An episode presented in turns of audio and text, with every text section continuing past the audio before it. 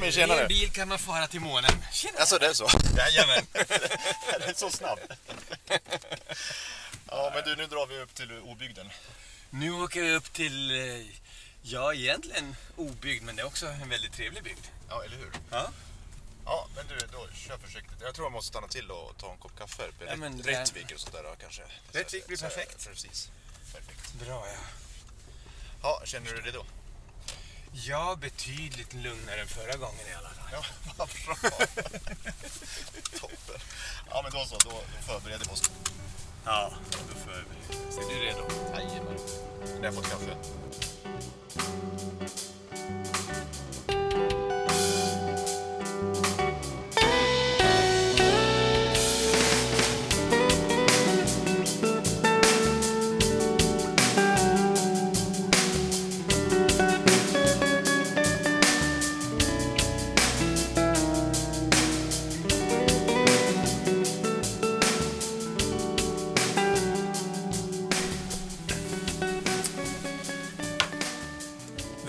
Välkommen till avsnitt nummer två av Löparens själ.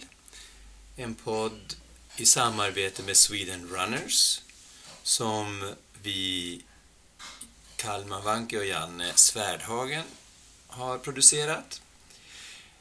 Idag tänkte vi prata om smärta. Smärta är något som alla löpare förr eller senare stöter på i sin löparutveckling och eh, löparutövning. Det påverkar oss alla, även icke-löpare förstås, mer eller mindre. Det sägs att vi är mer rädda för smärtan än för själva döden. Så att det påverkar oss Ja, det, starkt. det får stå för dig själv. Jag vet inte vem som sagt det inte. Jo, men jag tror att det finns eh, faktiskt studier som visar det. Okej. Att en av de s- saker som skrämmer oss mest är vår fantasi om smärta. Ja, men det är en annan sak precis. Ja. ja, okej. Ja. Men det kanske vi... Ja. Eh, å andra sidan, som sagt, halva Löpa-Sverige som säkert eh, inte lyssnar på den här podden, men åtminstone halva Löpa-Sverige är väl mer eller mindre skadad. Alltså det är vi jämt. Eh, och det här är något som påverkar oss enormt. Eh, alla har gjort de excentriska tåhövningarna, eh, antar jag, i, i trappen någon gång och man känner att man vill komma tillbaka så snart som möjligt. Och det är ju för många väldigt jobbigt. Eh, Just att inte känna att man räcker till eller att man känner att man inte vet hur länge väntan är på att jag ska bli frisk och ännu värre om jag inte känner att jag kanske kommer bli frisk alls. Precis, om jag kommer bli tvungen att avbryta löpningen helt och hållet. Men samtidigt tycker jag, jag tänker ju mycket kring smärta, att ja, men jag tror också det är någonting bra att vi kan hantera. Vi måste lära känna den, vi måste omfamna den, vi måste kunna lära oss att lyssna på vår egen kropp. Eh, Att förstå att den här smärtan jag känner nu, den är inte farlig, men eh, jag brukar själv vikta min, min smärta från 1 till 10 grader skala och ligger det på en 2, 3, 4, 5, ja men det, det bekymrar mig inte. Men börjar gå över den och 7, 8, 9, då börjar jag bli allvarligt eh, oroad så att säga. Och då kanske man vidtar åtgärder, men det är ju som jag gör. Det är, ju- smärta är också högst subjektiv. Smärtan är högst subjektiv och det finns ju rent psykogen smärta som inte har någon fysisk grund överhuvudtaget som kan störa oss. Och jag tror att vårt förhållningssätt, vår, som jag sa nyss, vår rädsla för smärtan styr hur vi, på, hur vi upplever den, hur vi påverkas av den. Men skulle du påstå att, att många gånger kanske är mer en mental process, att smärtan är att vi kanske inte behöver lyssna på den så mycket, eller hur tänker du kring det?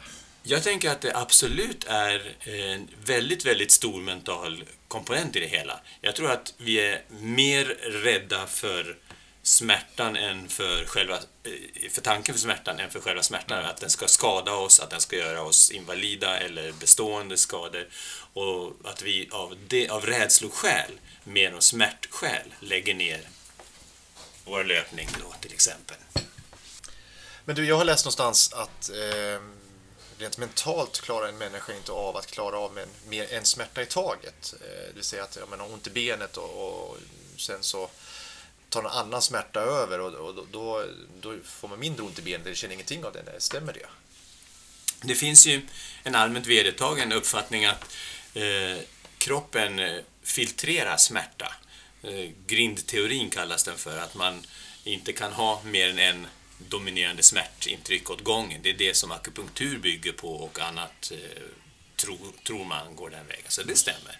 Så en smärta som i ena ögonblicket kan vara totalt handikappande kan i nästa ögonblick inte knappt kännas fast det finns kvar i samma omfattning.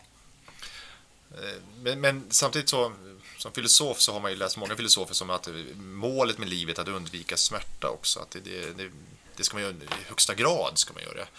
Och försöka bara leva det goda livet. Eh, Jag, jag känner mig själv väldigt tveksam till den tanken. Jag tror att smärta är viktig för oss för att kunna förstå också vad ett gott liv är. Håller helt med dig. Jag tror att smärta är en förutsättning för att kunna ha ett gott liv. Ehm, Det finns någon som har uttryckt det i form av att lidandet är...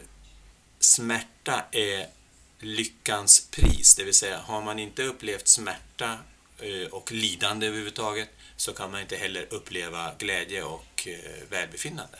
Mm, det låter ju faktiskt rimligt tycker jag. Vi har i alla fall funderat en del kring det här och vi passar också på att åka upp till, eh, till Nusnäs och träffa en löpare, eller kanske före detta löpare, fast hon är fortfarande löpare. Och vi fick ett väldigt fint samtal med Lisa Kriga som då kom från Mora och då får ni höra hennes tankar och hur vi diskuterar kring detta. Det ska bli spännande.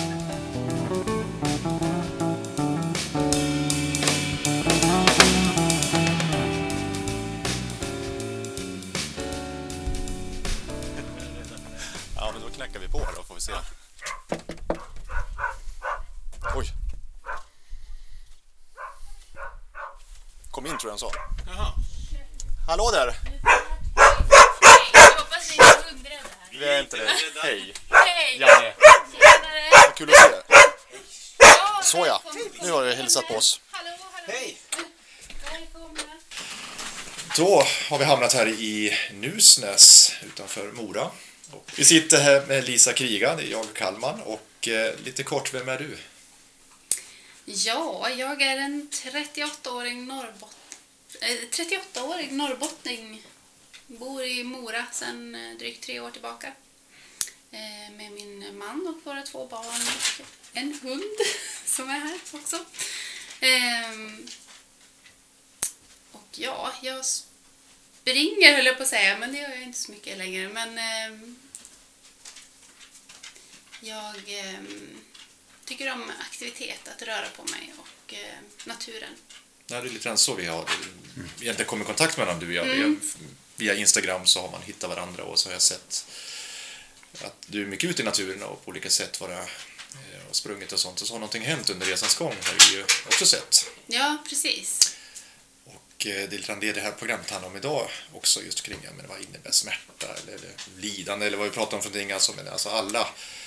Vi konstaterar ju att det är väldigt vanligt bland oss löpare och eh, eh, mycket otrevligt när vi får ont. Och det får vi alla mer eller mindre under vår karriär. Och vi tycker att smärta är ett svårt begrepp som det är en otrolig utmaning att förhålla sig till.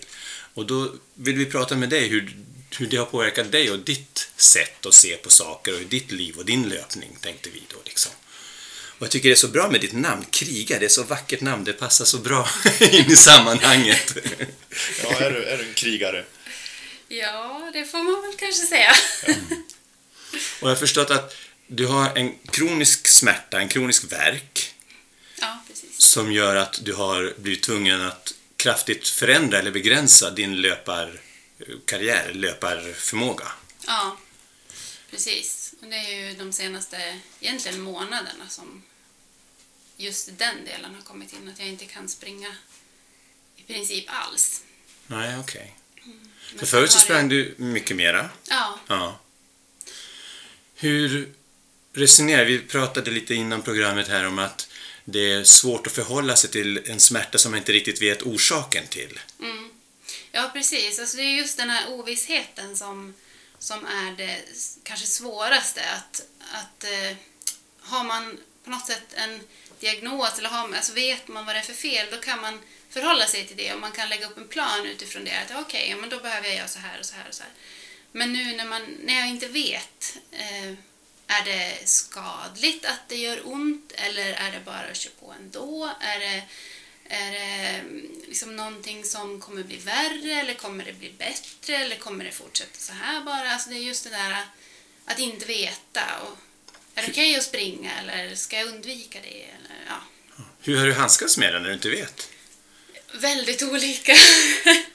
Vissa dagar då är det liksom, ja, vi kör liksom. Det är bara köra på. Och vissa dagar då är det bara huvudet i sanden och så, åh gud jag orkar inte. Och är det smärtan som styr det där eller är det något annat som gör att du är mera på ibland och mera av ibland?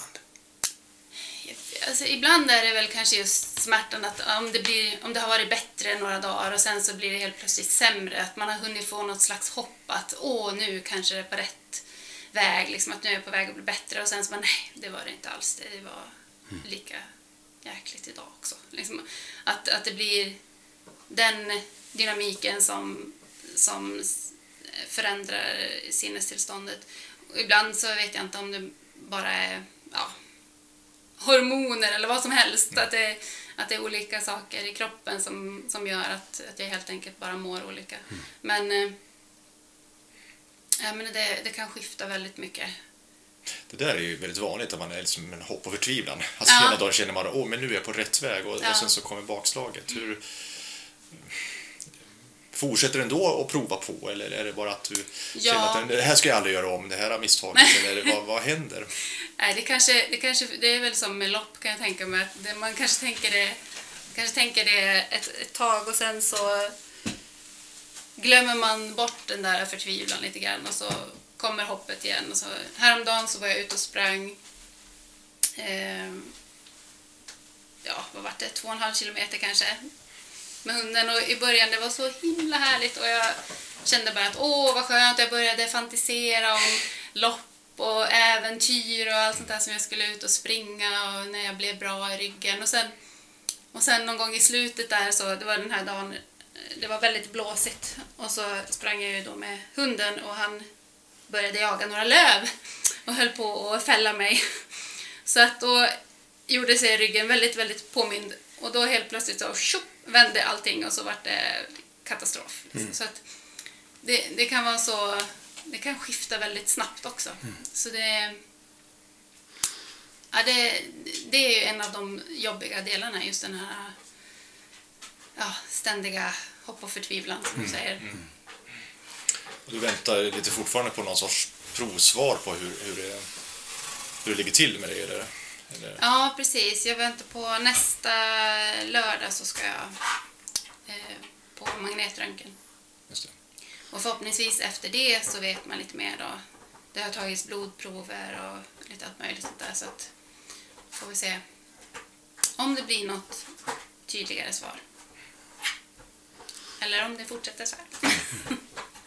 Det som är en intressant sida av smärta, det är att den innehåller ganska mycket, eller väldigt mycket, psykologiska aspekter. Till exempel det som du sa nyss Lisa, att har man hopp om att det ska bli bättre så kan man stå ut med mycket mer smärta. Eh, än om man till exempel tror att smärtan ska skada en på ett permanent sätt. Då, då tål man inte smärtan nämnvärt mycket. Um, så det är en intressant eh, del av det. Har, har du funderat liksom hur du förhåller dig själva smärtbegreppet på det sättet? Hur, hur, hur det görs? Ja. Ja, jo men det har jag ju. Eh, dels, dels så är det ju det här att eh, om... eh, ja, men som du säger, om det är någonting som jag tror ska skada mig så är det ju som sagt, då vill jag ju inte utsätta mig för den smärtan utan då undviker jag ju den smärtan. Medans sen finns det ju även... Jag kanske behöver göra övningar som inte är jättesköna.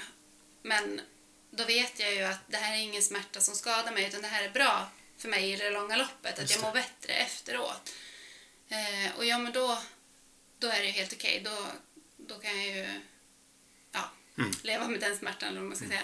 För det, just själva smärtan i sig, det är ingenting som, som skrämmer mig med den. Jag känner lite att ja, ja, jag har ju fött två barn, den här klassikern. Mm. Ja, har jag klarat det så klarar jag lite smärta i ryggen. Liksom. Men, men det är klart att och det, det, är inte, det påverkar min vardag också, inte bara träningen. Utan det är klart att det är ju inte så jättekul att man behöver sitta på en stol för att ta på sig sockarna och liksom inte kan komma upp ur sängen på morgonen. Det är ju sånt som man känner, det ska ju inte behöva vara förrän man är betydligt mycket äldre, om ens då. Så att... Eh, eh, och jag vet inte ens om jag svarar på frågan. Jo, absolut. En del, jag tycker du sa något som får mig att tänka på att en del uttrycker som att man försöker bli vän med sin smärta, försöker liksom mm. acceptera den. Mm. Um, och jag tror att det är en viktig aspekt om man ska kunna hantera den, att man på något plan lyckas acceptera att man har ont och försöka få den som en del av livet och av en del av sig själv kanske. Ja, precis. Ja, men för där är jag... Jag har ju alltid sett mig själv, eller alltid, eh, men jag har ju, jag har ju sprungit i ungefär åtta år. Under den tiden så har ju löpning varit en väldigt viktig del i mitt liv. Och ännu mer, liksom, desto mer tiden har gått, desto viktigare har det blivit. Och en del av det är ju att jag tycker att det är så enkelt, alltså jag har fått det så att bli en del av min vardag. Så att för mig blir det inte riktigt en ansträngning på det sättet att träna utan jag tycker det är så lätt att men jag kan springa till jobbet eller jag kan, jag kan upptäcka nya städer, jag kan upptäcka fantastisk natur och liksom, det, det är ett så perfekt sätt att få in rörelse i vardagen. Eh, så att när jag då inte kan springa så blir det ju en jättetomhet. Eh, och, och jag har inte riktigt tänkt på det så mycket när jag har sprungit såklart. Utan det blev mer i våras egentligen när jag under en period kände att ja, men jag, jag orkade inte. Jag var tvungen att så mentalt distansera mig lite från löpningen eller från, från den planerade träningen på något sätt. Så att jag, jag beslöt mig för att sluta träna. Att bara, eh, ja, när jag fick lust att cykla till och från jobbet och sådana saker men inte träna. Ehm, Men jag kände ganska snart att det blev så tomt. Ehm, Det var liksom en, stor del som fattades. Och, och det tror jag att det har blivit på något sätt att jag måste hitta ett sätt att förhålla mig till den där. Så att, att löpning är en stor del av mitt liv och kan jag inte springa då, då måste jag på något sätt hitta en annan väg. Ehm, och även om jag kan springa en del så fortfarande så, så måste jag liksom fylla det där med någonting annat på något sätt. Påminner om förra programmet egentligen pratade om, men det är liksom en del av din identitet här, att vara Ja, det, löpare och det är som det är en del, ja, en stor del av ditt liv också. Det slog mig också faktiskt när, när det här är ju också ganska smärtsamt kan jag tänka när man och dessutom inte kan och så ser man alla Instagramflöden på alla löpare som springer och verkar vara helt glada och eh, jag brukar ibland tänka själv, ja, men vad, vad förmedlar jag egentligen på det viset och alla de som är skadade. Eh, Det måste vara ganska tufft. Ja, alltså jag kan säga under det senaste året så har jag haft ganska många pauser från sociala medier. Och det är bland annat av den anledningen att jag kan känna ibland att det blir för mycket att jag ser så många som gör det jag vill göra och att det blir liksom bara en påminnelse om den här bristen i mig själv på något sätt. Ehm, Så jag har, måste, jag har varit tvungen att ta pauser helt ibland för att orka. Sen ibland kan jag känna jättepepp bara av att se alla och, och liksom gud vad kul att de kan springa och, och allt det här. Men det beror väldigt mycket på vart jag är i berg och dalbanan. Och därför är du så en viktig pusselbit i det här pusslet vi försöker lägga, jag och Kalmar här också. Just att det här är ju så... Det, jag tycker ofta sociala medier, där ser vi alla solskenshistorier och allting är så fantastiskt och det är berg och, och det är fantastiska insatser. Man sprungit 10 mil och man mår jättebra, tar en kopp kaffe.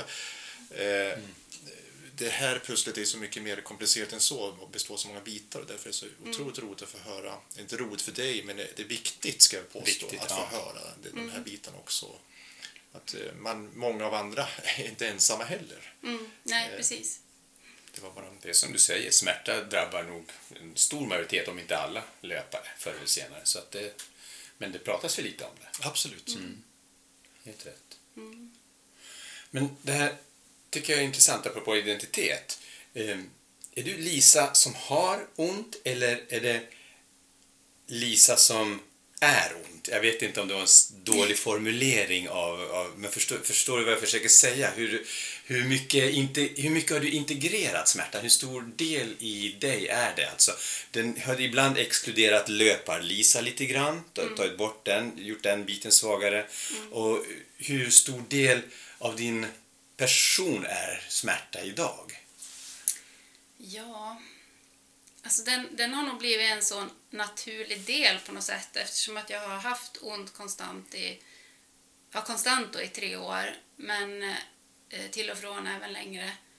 Ehm, så att nu är det väl en väldigt naturlig del på något sätt. Så att, eh, Jättesvår fråga, men, men eh, jag har inte riktigt tänkt på det så. Men det är ju sällan som, alltså jag, ofta så tänker jag ju inte ens på att jag har ont för jag har det alltid, eller vad man ska säga. Alltså, Ja, ja, förstår. men det är, ja, Det är en svår fråga. Jag ja, förstår. Jag tänker att skälet till att jag undrar över det, det är för att man kan förhålla sig på olika sätt till sin verk. En del försöker äga den och göra den ehm, till sin och handskas med den och andra försöker lägga den utanför sig. Liksom att, ja, jag har ont nu men det ska eh, doktorn på lasarettet eh, bota eller det ska värktabletterna fixa eller något sådant.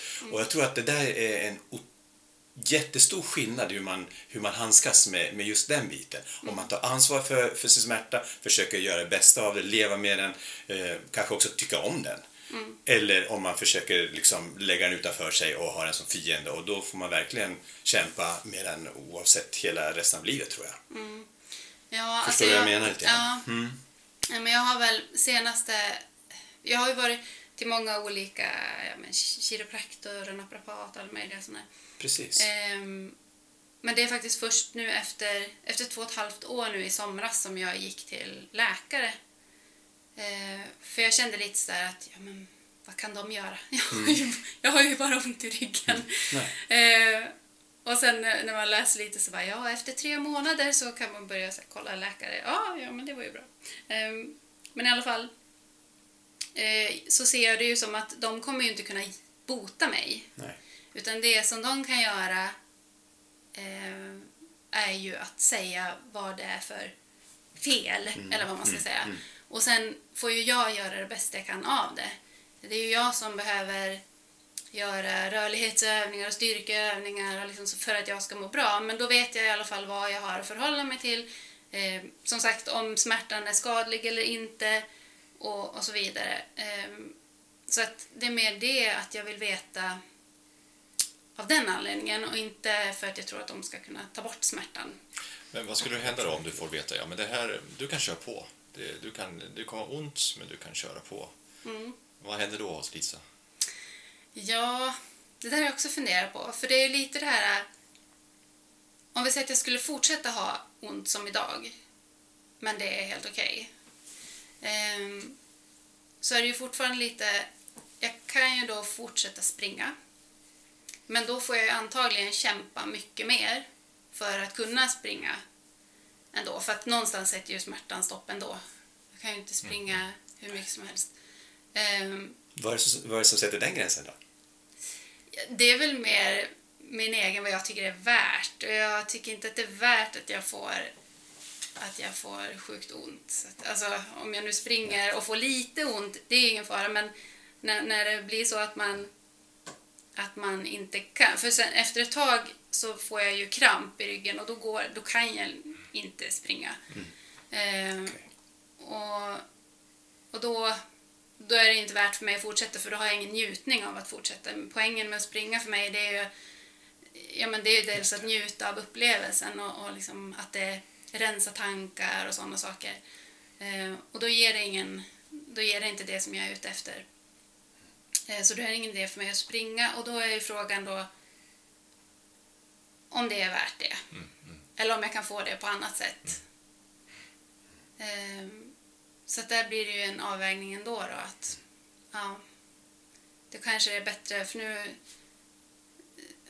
alltså egentligen det det är så, en sak som driver mig mycket i, förutom att jag, mår, jag känner ju att jag mår ju bättre av att springa och att det är så fantastiskt på alla sätt och vis, som jag redan har sagt. Ehm, men det är ju också det här att utmana sig.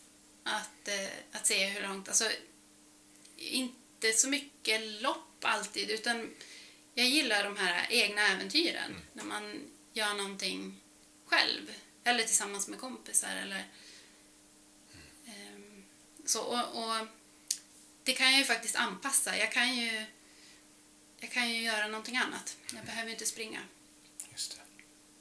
Det. Låter lite som du ändå förlikar dig lite med din, din situation och din smärta. Ja, Eh, jo, men det har blivit väldigt mycket tankeverksamhet de senaste månaderna. Ehm, och jag har väl kommit till någon slags... Som att om, om alternativet är att måste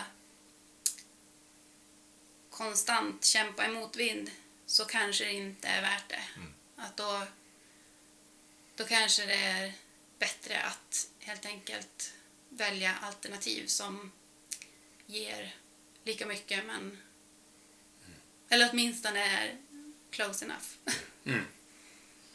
Precis, det är, för det är att förlika sig med, med, med sina demoner om man vill använda Ja, det men ordet. precis. Mm, precis. Spännande och intressant. Eh, Andra som går in just, du har ju, du har ju en ganska lång historia här, alltså de Mm. som går in i en sån här situation där man känner att man tappar liksom allt man, som var viktigt. Du gav uttryck för det också, att det här med löpningen var, det var din livsstil och Mm. i viss mån din identitet kanske också. Så, så tappar man den. Alltså vad, finns det någonting du skulle kunna råda en sån person? Eh, eller, eller är det en högst individuell resa alla måste göra?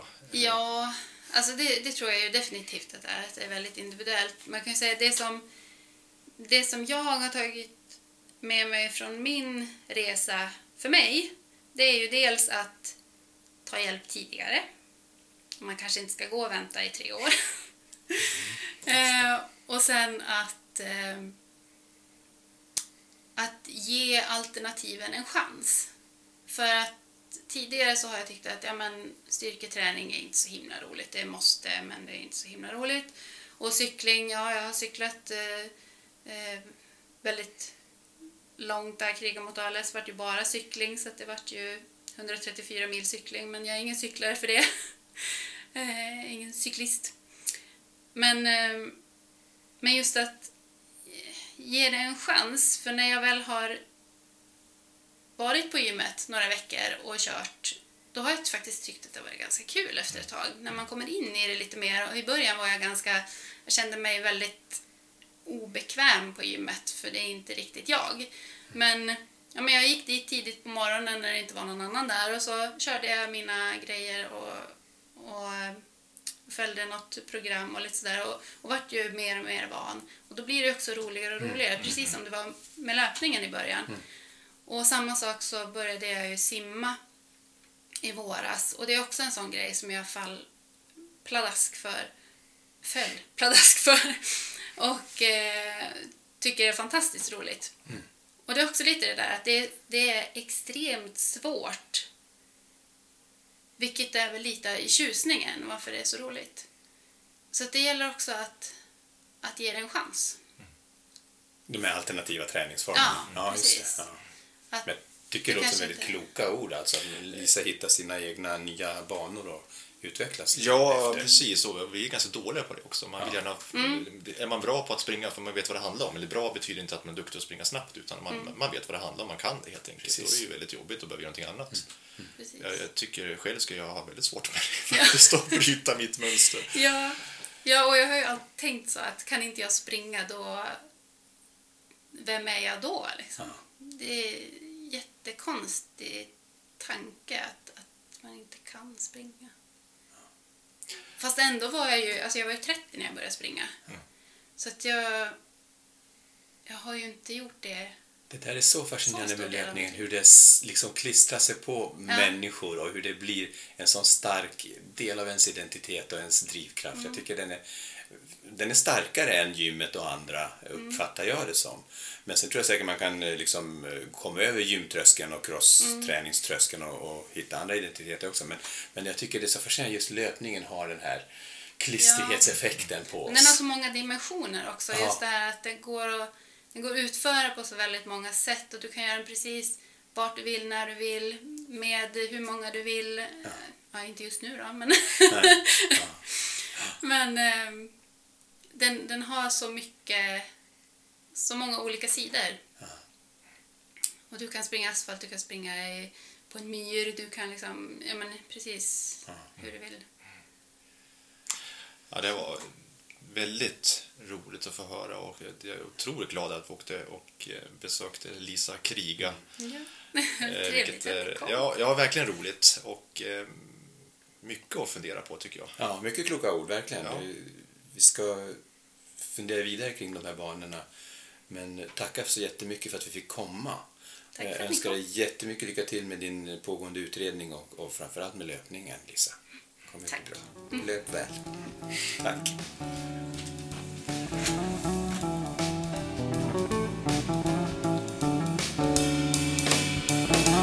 Då, ja, precis. Då är vi, sitter vi här faktiskt på vägen hem till Falun så stannar vi till restaurang i Rättvik och har funderat en del på det samtal vi hade med Lisa. Är det? Lite buller i bakgrunden här, folk som äter och så. Ehm, Men vad har du för tankar och funderingar? Jag tycker Lisa har hunnit långt i, sin, i sina funderingar kring smärta och sin eh, problematik. Både hur det skulle vara med livet utan löpning och hur livet nu är med smärta. Och jag tror att vi kan alla lära oss att försöka se det på samma sätt som Lisa, som jag tolkar att Lisa såg det, att hon tog ansvar för det onda hon hade, för sitt lidande. Hon log- la inte ut det på andra utan hon tog ansvar för det och försökte leva med det och genom det och på så vis både kunna fortsätta springa så länge det gick eller hitta andra uttryckssätt för sin, sitt rörelsebehov och sitt liv överhuvudtaget, för det påverkar hela hennes liv. Det där tycker jag är intressant just att ta ansvar för att det här är ju också en strikt eh, filosofisk fråga just att vi har eh, Sartre pratar om att vi, vi är dömda till frihet och i den friheten så finns det en frihet att ta ansvar. Och som löpare så ser jag många gånger att man, man ropar efter hjälp på nätet och frågar "Men hur ska jag göra det här? Man hoppas att någon kan berätta, alltså, ge mig lösningen så att jag kan fortsätta mitt liv och springa vidare. Eh, och, och det är säkert bra många gånger. Eh, men samtidigt så måste man ju lära känna sig själv, vilket jag tycker också Lisa håller på att jobba med. Hon testar, hon känner sig hoppfull ibland, hon faller igenom och känner att det här kommer aldrig gå. Men just det att lära känna sig själv, att, att inte lyssna på alla, kanske alla gånger, utan också våga. För att jag tror också det finns en fara om vi överlämnar det som allt ansvar på alla, så då överlämnar vi också strikt filosofiskt överlämnar vårt ansvar också. Och det tror jag inte någon egentligen är villig att göra egentligen, utan vi vill behålla vår frihet, men någonstans vill vi också, kan inte du berätta? Och hon hade ju gått den långa resan och provat alla möjliga former av, eh, terapier eller, eller lösningar för att få det och inse att kanske, jag måste kanske träffa en läkare också. Eh, och det här är en spännande resa. Du har helt rätt. Jag träffar väldigt ofta människor som jag tycker inte tar ansvar för, för sin, sina problem överhuvudtaget, sitt liv och i synnerhet sin smärta. Det ska någon annan ordna åt mig. Det ska mediciner ordna, värktabletter, det ska eh, fysioterapeuten fixa. Jag har ont i hälen, det, det, bara jag går till honom så ska han ordna det. Istället för att se det som att andra kan vara en hjälp men att det är jag som måste fixa mig själv. Och jag tror att det är det som gör skillnaden på en människa som eh, kan fortsätta att leva, löpa och utvecklas och den som inte gör det kan bli bitter, inåtvänd, deprimerad och eh, misslyckad i sin, i, i sin livsföring kanske. Jag tycker Lisa, Lisa gav uttryck för att ja, men det finns en gräns för vad jag kan klara av rent smärtmässigt och, det har jag full förståelse och respekt för. Det, det finns en som gräns för vad vi klarar av. I, I och för sig kan vi pusha den framåt men någonstans känner man sin kropp till väl så vet man var gränserna går också. Och, och hon har också en oro för att eh, kanske om det är skadligt och det vill man ju klart veta om det också är och det är en viktig aspekt i hela. Men eh, Lisa berättade också samtidigt att ja, men då får hitta andra sätt att eh, nå det här. Jag nådde i löpningen. Kanske inte når samma sak, men eh, det finns andra saker. Hon, I eftersnacket pratade hon om att jag får väl kanske försöka simma runt Siljan och sånt där istället. Alltså ett nytt galet projekt, men, men som ger henne en, en mening med, med sig själv och sitt liv och, och sin och rörelse handlar det om här mycket. Mm. Det som var positivt och som gav mig hopp det är att hon hade lyckats hitta, som jag tolkar det, en balans i, livet med smärtan. Att hon klarade av att hantera den, gjorde precis som du säger så långt det gick med löpningen och med välmåendet. Och när det inte gick längre så hittade hon andra sätt att hantera livet. Då simmade hon eller, eller förhöll sig på ett annat sätt. Och det är den här balansen jag tror att man måste uppnå. om man har en kronisk smärta som man inte kan bli av med. Eh, Det är liksom det enda sättet som man kan på något vis förhålla sig konstruktivt till smärta, tänker jag. Eh, Men du säger att många inte får vare- sig omfamnar sin smärta eller, eller blir vän med sin smärta, man överlåter ansvaret som sagt. Är det, eh, men är det så fel det då? Alltså är det inte bättre att andra kan svara på? Jag tycker inte att det är rätt. Jag tror att det är ett eh, omoget förhållningssätt att lägga ut eh, sina besvär eller problem eller förhoppningar för den delen på andra. Det kommer, man kommer komma till korta och man kommer bli besviken och risken stor att man blir missnöjd på olika sätt. Ja, men det här bygger ju någonstans på, på en rädsla också. Alltså man är rädd för att göra fel. Eh, Jag springer inte, jag har lite ont i benet nu. Jag, jag körde 100 meter och så fick jag ont i benet och då är man rädd för att man ska skada sig ännu mer och därför ska man vila några dagar istället för säkerhets skull. Och jag, min erfarenhet är snarare att ja, men jag kanske ska fortsätta ändå och se vad det, vad det innebär egentligen förlängningen och sen så får jag se dagen efter hur det känns egentligen. Och många gånger har jag upplevt att den här rädslan var egentligen obefogad. Eh, jag blev till och med starkare i vissa fall. Det kan man inte säga generellt, men i vissa fall och ibland fall så... Du hjälpte ju mig med det, Janne. Jag hade ont i en hälsena här för ett år sedan och då sa du strunt i det, fortsätt spring. Och det gjorde jag och det gick alldeles utmärkt. och jag var rädd att det skulle vara något som skulle försämras, men det Ja, var ju inte precis. det. Nej, visst. Och jag kunde försäkra det, fast jag inte... Jo då, jag visste nog att du, det, du kommer inte bli kroniskt skadad av det inte, utan det här är någonting som går över, men det finns ingen medicin för helt Nej, enkelt. nej, det finns ingen behandling för det. Nej. Och du försökte med det mesta också där. Ja, ja. Nej, fortsätt ut och skippa rädslan och det hjälpte du mig med. Och så fort man kom lite bortanför rädslan, då, då var problemet så mycket lättare Ja, just det. mm, mm, att lösa. Då, då, då gick det att handskas med det. Ja, vi, vi måste nog jobba med att överkomma våra rädslor. Och smärta är ju så starkt förknippad med rädsla. Tycker jag. Och det är som du sa också, men är, man är alla rädd för smärta. Men, men som många förespråkar egentligen, det här är ju någonting som kan vara otroligt givande för oss. Också när vi väl övervinner sm- smärtan så blir vi också starkare. Och det visar, sig också att man Alltså jag har också haft mina hälseneproblem och jag har aldrig haft det därefter. Jag tror nästan snart att man blir starkare. Nu är jag inte medicinskt skolad på något vis, men det, det, det bekymrar mig inte alls längre för att de känns väldigt starka, mina hälsenor, för att jag har ju gått igenom den här processen. Det tog ett år för mig, Ja. eh, men det, det var det värt. Men du gav inte upp, du fortsatte. nej. Visst. Ja. Det Istället för att bli passiv och säga att någon, nu ska någon fysioterapeut eller någon högre makt eller vem som helst lösa här åt mig. Ja. Ja. Då hade du härligt förmodligen inte blivit likställer högre makt och fysioterapeuter här. då. Ungefär. Ja, ja. Okej. här, behöver vi inte sända ut tror jag. Nej men jag tycker, som sagt, vi, vi mötte Lisa här och vi hade inte träffat henne förut och eh, jag tyckte det var en väldigt fin bild av sin situation hon gav. I den ibland hopplösheten så såg hon ändå en möjlighet och förhoppning om att ja, men det här kommer nog på ett annat sätt lösa sig. Ja. Det finns ett engelskt uttryck som heter befriend, alltså bli vän med din smärta. Och det tyckte jag hon hade gjort och det tror jag är ett bra mål om man har en långvarig svår smärtproblematik. Och även kanske även för vanliga löparproblem så måste man eh, lära känna och bli vän med, med den oavsett om det är kortare löparknäverk eller vad det kan vara. Och då tror jag att man mycket lättare kan tackla, handskas och överkomma. Men det måste innebära att också man måste bli vän med sig själv också. Ja, och absolut. känna sin kropp själv, Ja. själv också. Att våga ta de kanske igen avgörande besluten ibland. I, på det djupare planet så tror jag man måste bli, ha självinsikt så man ser var man projicerar, vad man lägger ut utanför sig själv och vad man tar ansvar för sig själv. Och det är en mognadsprocess som bygger på djupare psykologiska mekanismer. Ja, som sagt, det var väldigt spännande och vill ni följa Lisas eh, resa så finns hon på eh, Instagram till exempel. kan man se hennes tankar och funderingar. Ehm, och det vi diskuterade lite om där var ju också intressant. Ja, men det man lägger ut på Instagram och sånt är ju ofta det positiva och det fantastiska eh, sakerna man gör i olika tävlingar, prestationer, man bestiger berg, man springer snabbt, springer långt eller kort eller vad det är för någonting. Men, men, men eh, Ehm, jag efterfrågar ju faktiskt den här biten också. Att våga blotta sig lite grann och eh, förstå att alla är inte supermänniskor. Så är det. Vi, vi, vi har svårare att visa våra svagheter, särskilt på offentliga medier och sociala medier. Och då kan man få en felaktig bild. Man kan få en bilden av att 100% till exempel tränar, medan i verkligheten så är det 90% som har ont. Ja, så är det säkert. Så är det. Ja, med de slutorden du är så klok, hörru, Kalle, så, så tänker jag att då tar vi och avslutar det här avsnittet smärta och eh, hoppas på att ni vill lyssna på kommande poddar. På återhörande och löp väl där ute. Ja, tack så mycket. Tack, hej.